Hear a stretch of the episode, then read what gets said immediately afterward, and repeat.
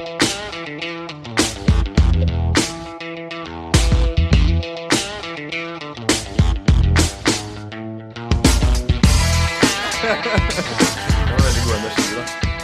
og velkommen til en ny episode av Deloitte-kast med Marius og Andreas. Og dette her er fortsatt podkasten der hvor vi er, fyker rundt i Deloitte-huset og ser om vi finner noen kloke mennesker som vi kan riste hodene til for å se hva slags kunnskap som detter ut. Ja, og vi har fått et eh, lytterspørsmål eh, denne gangen. Og spørsmålet lyder som eh, følger. Hva er egentlig endringsledelse, og hvordan jobber dere med det i Deloitte? Ai, ai, stort spørsmål, som da kom selvfølgelig da i e-posten vår på podkast.deloitte.no, og vi velger jo selvfølgelig å svare på det. Så da har vi dedikert denne episoden til det. Men eh, før vi kommer dit, hva har eh, skjedd siden sist? Siden sist uh, ja, eh, For min del så har det faktisk vært ferie uh, som Mm. har stått på programmet. Uh, vi jobber jo eh, tidvis mye her i Deloitte, men eh, vi har jo også da sånn hyggelig fleksitid. Som betyr at Ah, timer du bruker på kveldstid, det kan du eh, da plutselig avspasere til en kjempelang påskeferie, som jeg har vært på da. Tre uker i Thailand og Burma. Oi, oi, oi. Nei, Det hørtes nydelig ut. Der fikk du sett de herligste landsbyer og Og vi har vært dykket, vi har vært på strender. Skikkelig. Sånn er eh, konsulentlivet også innimellom. Mens resten har vært på kontoret og jobba. Ja, der har du vært, Andreas. Der har jeg har det vært? Eh, nei, det går fint, det. Og egentlig det som skjer nå, nærmer seg jo sommerferie og sånt. eh, eller din andre sommerferie, eh, for så vidt.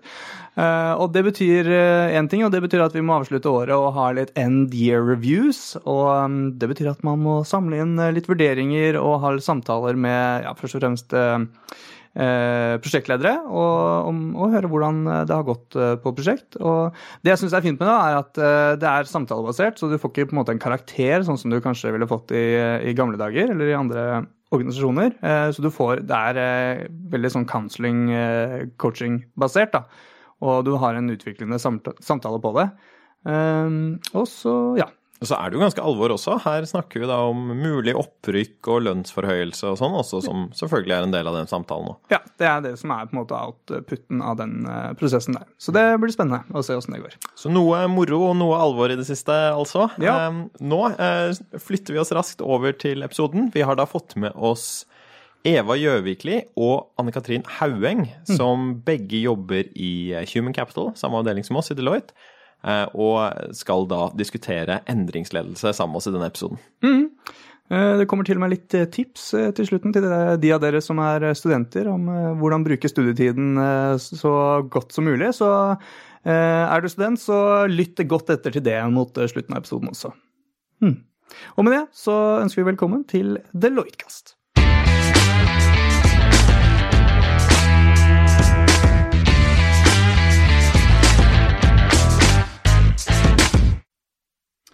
Da sitter vi her med Anne-Katrin og Eva.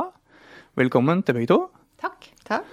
Director og eh, partner i Human Capital her i Deloitte. Så veldig hyggelig å ha dere på besøk. Vi skal snakke litt om endringsledelse. Eh, og jeg tenker jo det at altså nå, vi, vi snakker jo hele tiden om digitalisering og alt dette som skjer i framtiden og ny kompetanse man trenger. og Vi har snakket om det her på podkasten allerede også.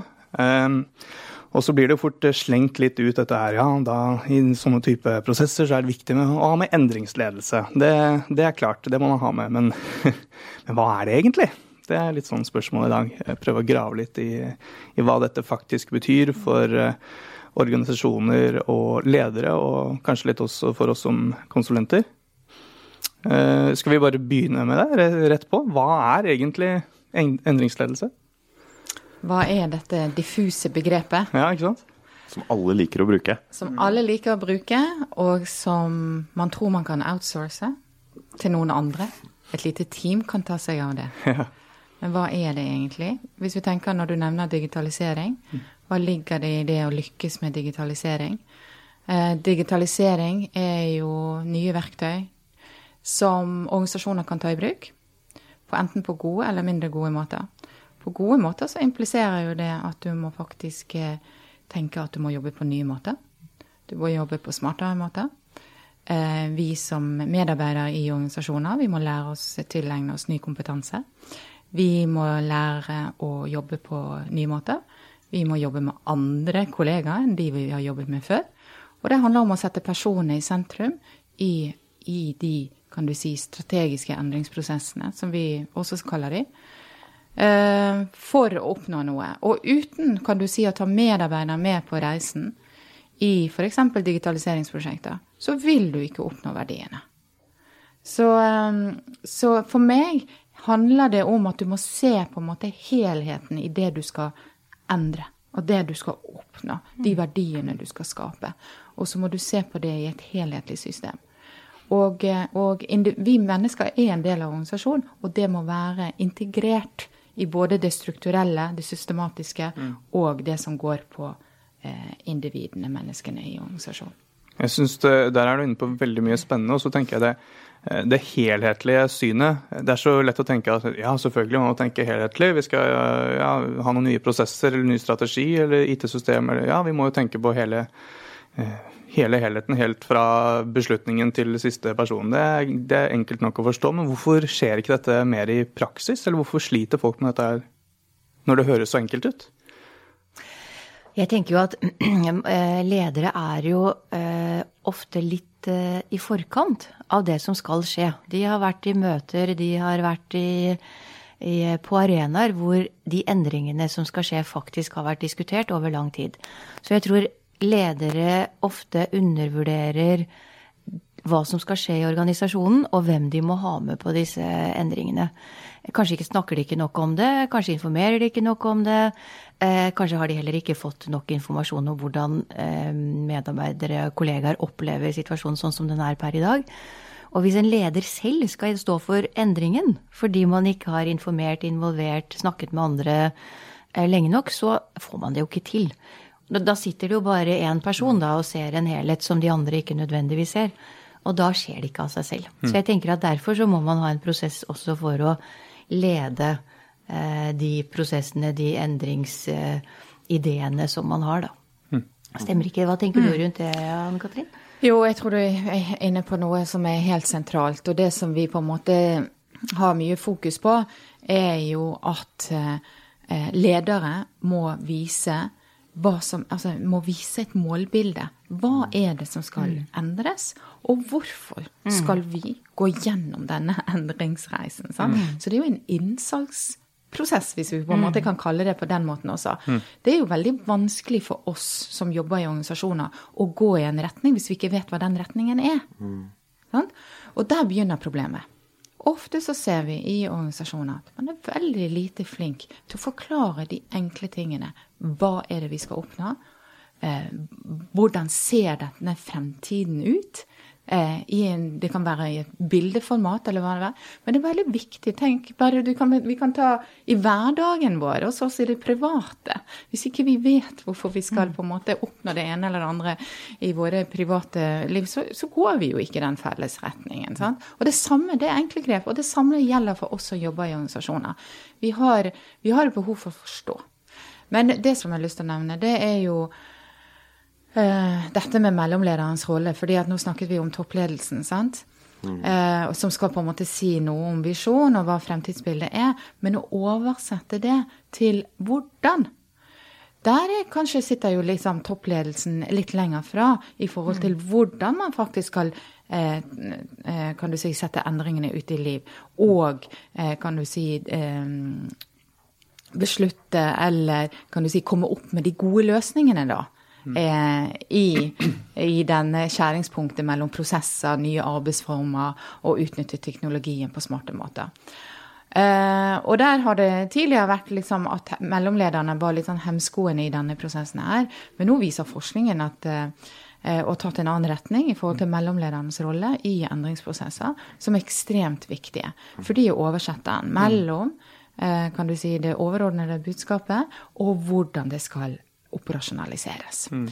Og der er mellomlederne gitt mye handlingsrom nå.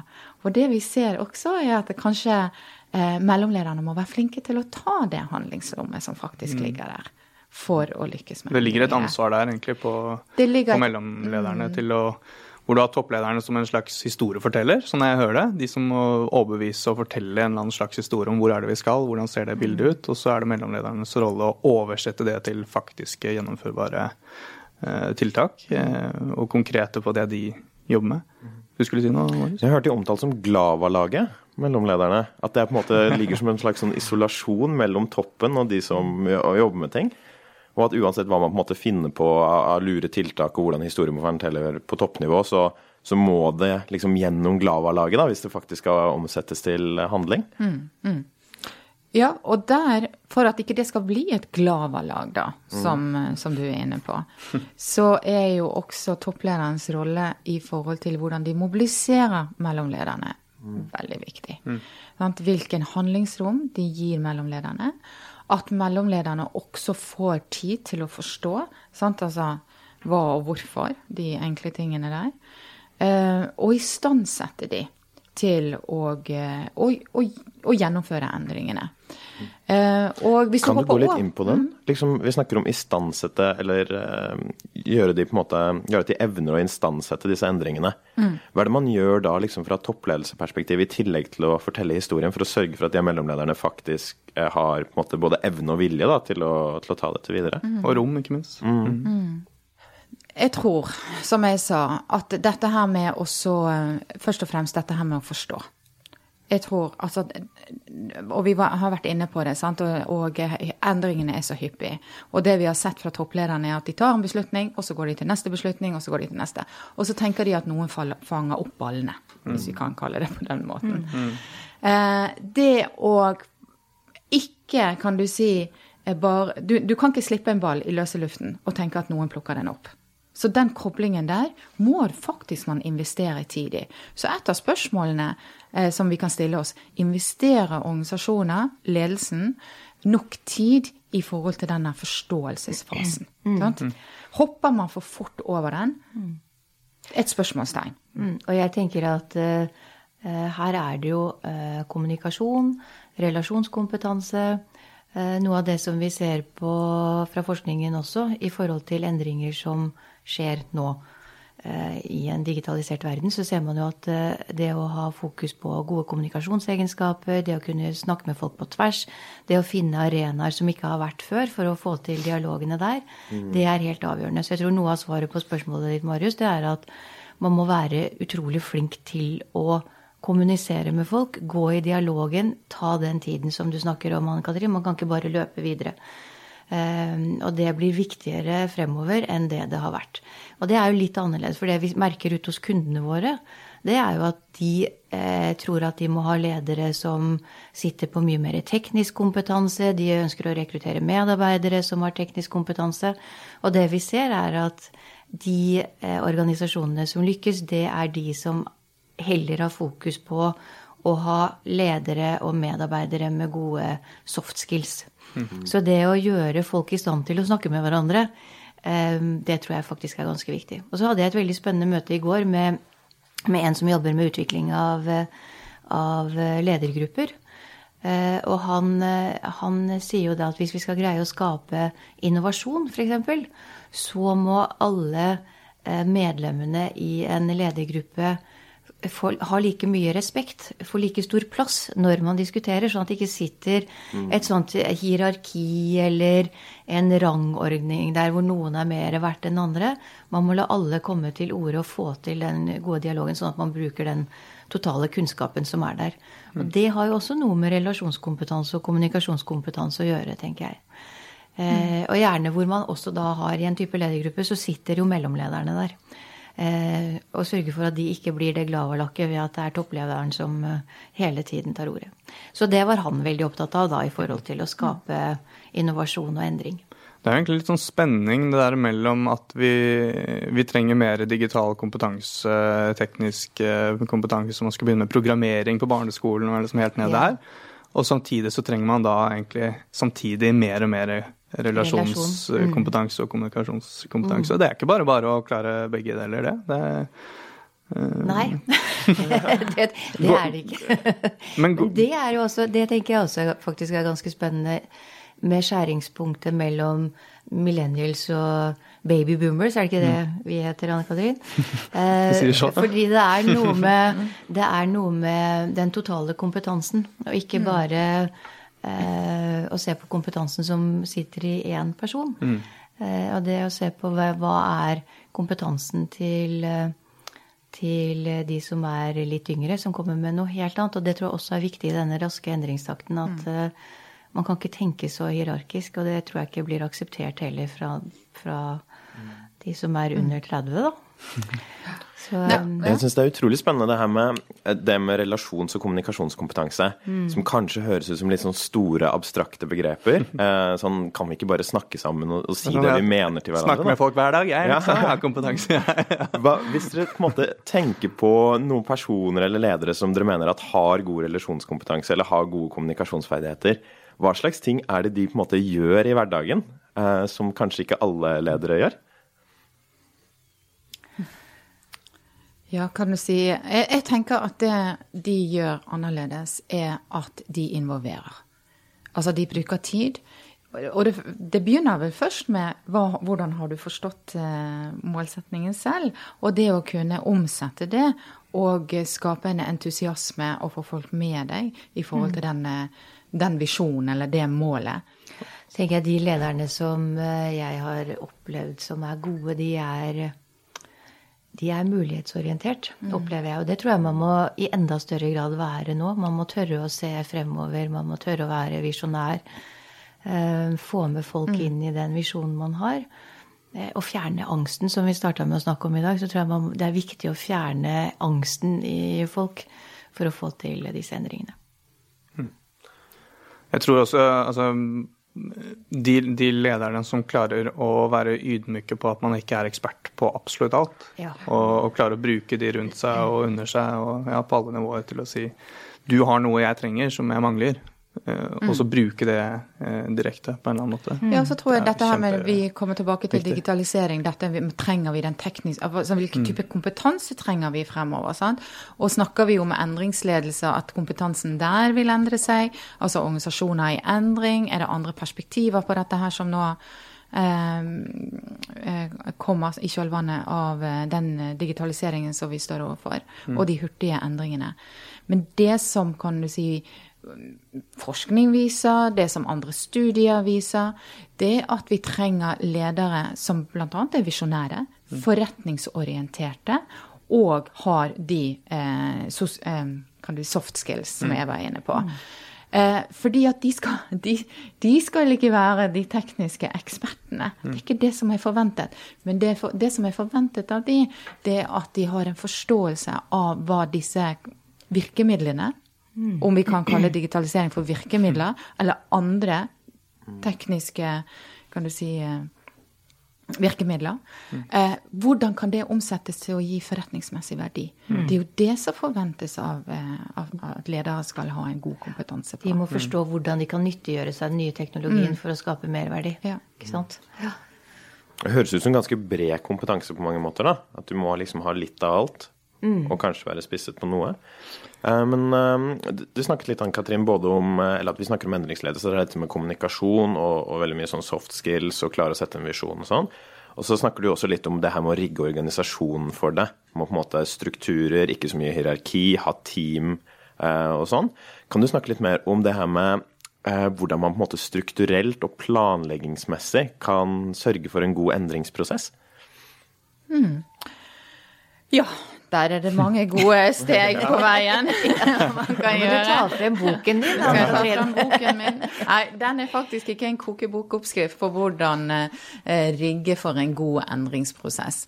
Men jeg tror det som er viktig, er å tenke at eh, nå har jo vi jobbet med mye, eh, mange programmer. Store programmer, komplekse programmer. Og i komplekse programmer og store programmer så har man eh, Eh, ofte, kan du si, eh, en egen strøm som heter endringsledelse. Jeg vet ikke om jeg er så veldig stor fan av den strømmen. For det, mm. det, kan veldig fort bli, og det ser vi i programmet, vi snakker om at vi skal implementere en strategi som skal bryte ned siloer når vi får andre typer verktøy og skal jobbe med. Men hvis du også rigger programmene i kan du si, fagstrømmer, så kan det lett også bli siloer i, i eh, disse programmene. Mm. Jeg tror det viktigste med kan du si, endringsledelse, det er en type kompetanse som du trenger på tvers i ulike kan du si, strømmer og fagstrømmer. Og det må være, eh, det må være kan du si, hva heter det på norsk? Eh, iboende i de fagstrømmene, i, i de, kan du si, det du jobber med i programmet. Så alle eier endringsledelse, på en måte? All, ja, jeg vil nesten gå så langt til å trekke det. Vi kan ikke ha, vi kan ikke ha prosjektledere eller programledere som ikke forstår hva som er endringsledelse. Hva som er god kommunikasjon. Hva er gode involveringsprosesser.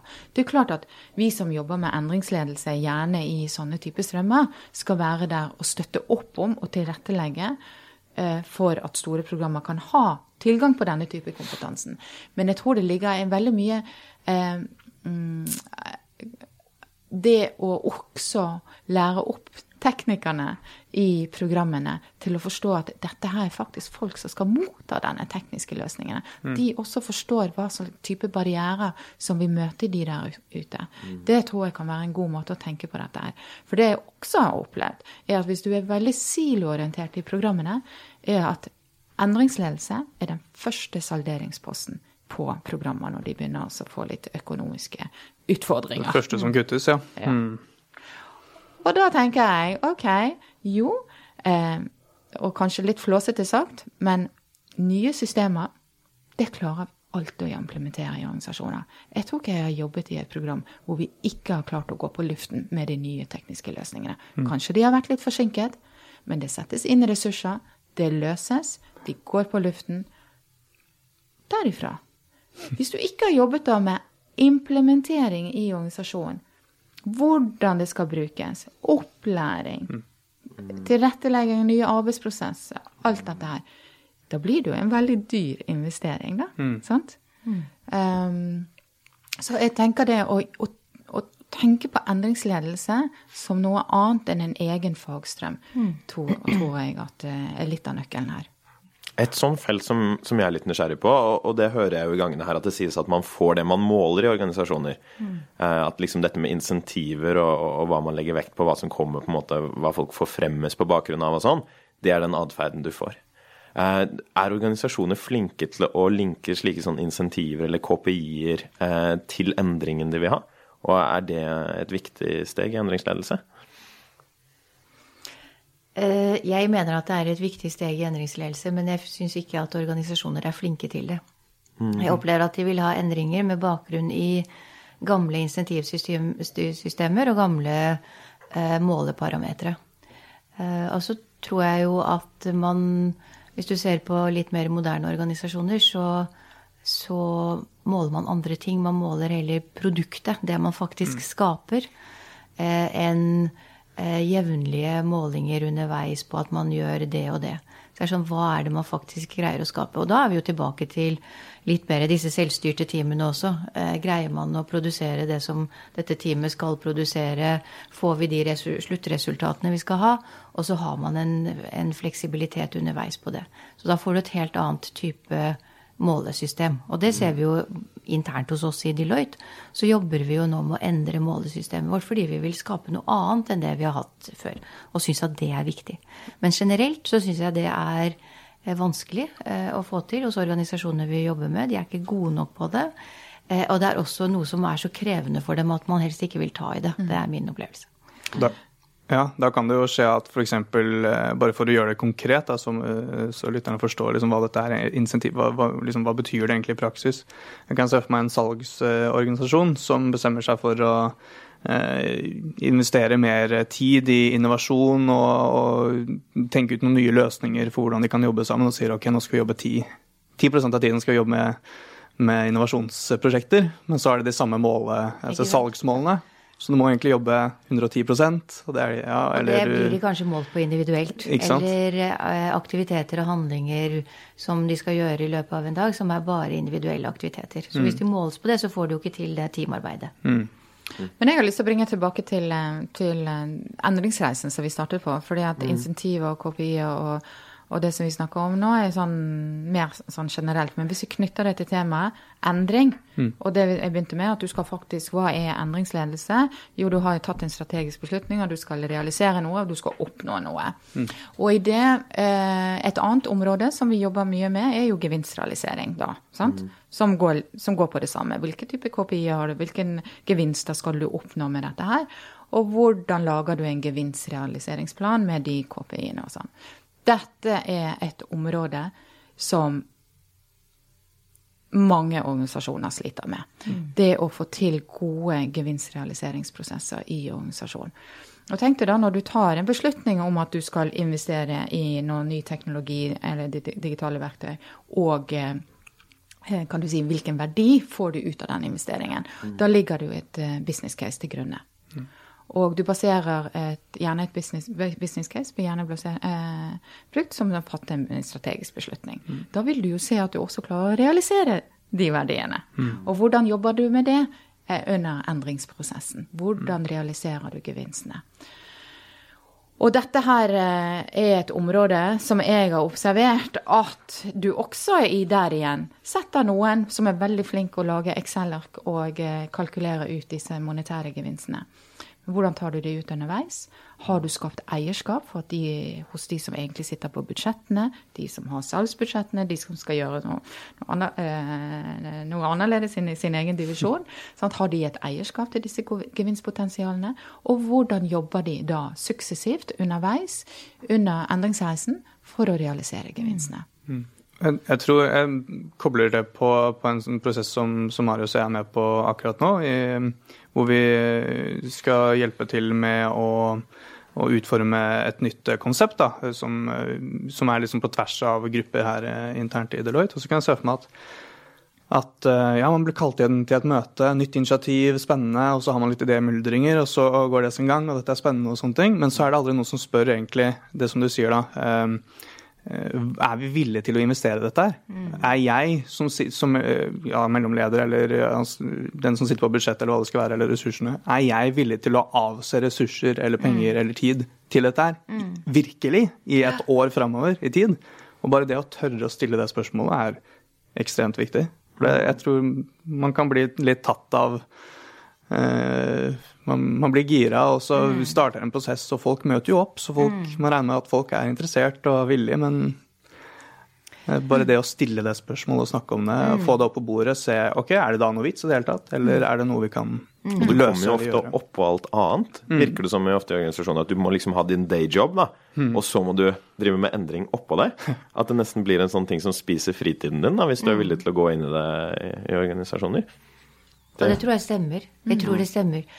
Eh, både, både, nå og, og, tidligere, og kanskje enda mer eh, fremover i denne raske endringstakten. Mm. At det som skjer av utvikling, skjer på kveldstid. Mm. Samtidig som du har den ordinære driften din eh, på dagtid.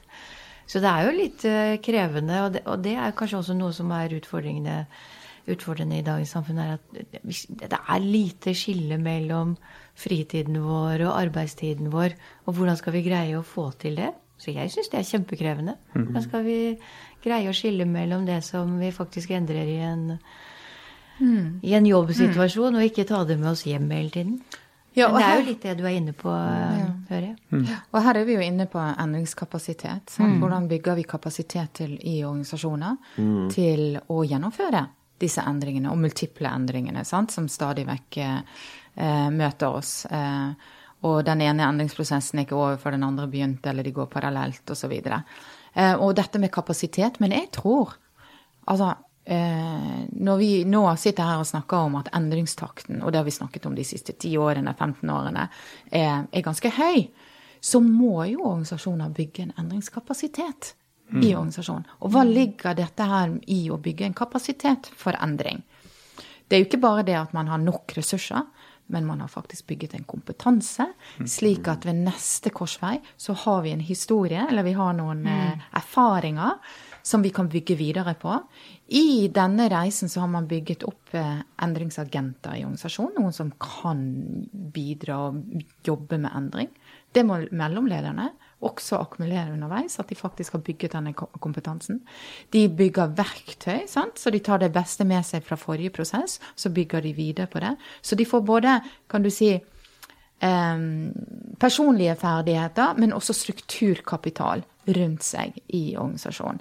Og de som er flinke kan du si, på denne endringskontakten, har bygget opp dette som en mm. base, og på den måten bygget eh, kapasitet for endring. Jeg hører det, det snakkes en del om både personlig kompetanse, om at du på en måte har eh, endringsferdigheter. da, At det er veldig viktig. Og eh, målgruppen vår er studenter, og jeg husker når jeg var student, så uh, følte jeg ikke at liksom gjennom studiene at jeg bygde så veldig mye endringskompetanse eller relasjonskompetanse. Vi satt på en måte og løste oppgaver og, og, og lest og skrev, da.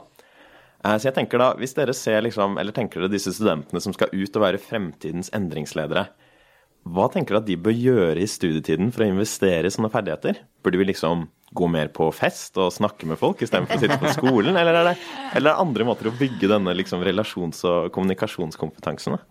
Jeg, tenk, har, jeg, tenker jo at, eh, at, eh, når man kommer rett fra studiet, så er man nettopp aller best det, på den type ferdigheter og kompetanse. Fordi det er man er så nysgjerrig. Og den nysgjerrigheten på hva er det som kommer rundt neste sving, eller hvilken, er, hvilken kompetanse trenger jeg her, eh, hvordan skal jeg tilegne meg den, eh, er det noen jeg kan snakke med? Så man, man er mye flinkere til å bruke mennesker rundt seg, til å bruke veilederne sine, til å se sammenhenger. Og det er jo noe av det som vi trenger inn i disse nye endringene. Så jeg tenker jo heller at man snarere tvert imot skal passe på å ikke legge fra seg det man har med seg som student. Som, eh, og, og, ikke bli en del av dette faste inventaret i en organisasjon. Så ha med seg nysgjerrigheten og kreativiteten inn. For jeg opplever at uh, man som student er veldig god på det. Ja, et, Det tror jeg òg du har rett i. Og jeg tenker hvis jeg skal komme med et, uh, i kjølvannet av det, eller, og tenke at hva kan man gjøre for noe som student i disse travle eksamenstidene og gjennom semestrene? Uh, og hva er det på en måte som er litt sånn iboende i vårt uh, utdanningssystem? Det, det, er jo nettopp det å bygge team. Mm. Og, da, og når, man, når, du er inne på kan du si, tverrfaglige team eller selvstyrte team, det er jo studentene. Mm. Studentene er jo selvstyrte team, for det er vel ikke mm. noen der som er på en måte den utpekte lederen. sant? Og da bygge på denne teamkompetansen, den mm. selvstyrte team, hvor du faktisk må bruke tid til å sammen forstå og sammen finne løsninger. Mm. Uh, og fortsette å bygge på det. Uh, og så er det jo selvfølgelig helt en avveining hvor mye selv, tid du trenger selv på, på lesesalen. Men uh, jeg sier til jeg spør min sønn, da, som studerer for tiden, og uh, sier ja, hvor, hvor flink er du å bruke kollokvier, hvor mye, hvor mye samarbeid har dere, og bruker dere hverandre, jobber dere sammen? Jeg tror det er viktig, for det er jo det vi skal ta med oss videre inn i, i arbeidslivet. Jeg lurer på om vi skal runde av der, jeg. Jeg hører det at for å lykkes med, med endringsledelse, så er det dette med eierskap som er ekstremt viktig. Bygge struktur rundt den endringen og kommunisere godt rundt den. Veldig viktig. Bygge endringskompetanse for seg selv som leder og for andre, sine ansatte. Og alt dette her skal gjøres på kveldstid.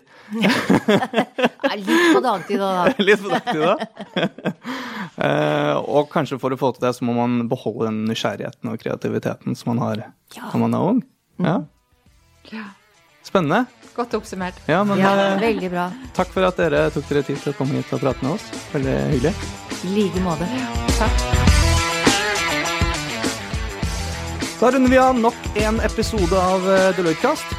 Og vi håper jo at eh, du har likt denne episoden. Vi kommer tilbake med flere, vi. Og i mellomtiden så hadde det vært veldig hyggelig om du ville dele denne med dine kjente, eller dine kollegaer, eller uh, venner, eller uh, medstudenter. Hva nå enn det skulle være. Og hvis du har noen spørsmål, så kan du selvfølgelig nå oss på podkast podkast.deloitte.no, og du finner oss også på Instagram og Facebook. Absolutt. Så til neste gang, vi høres.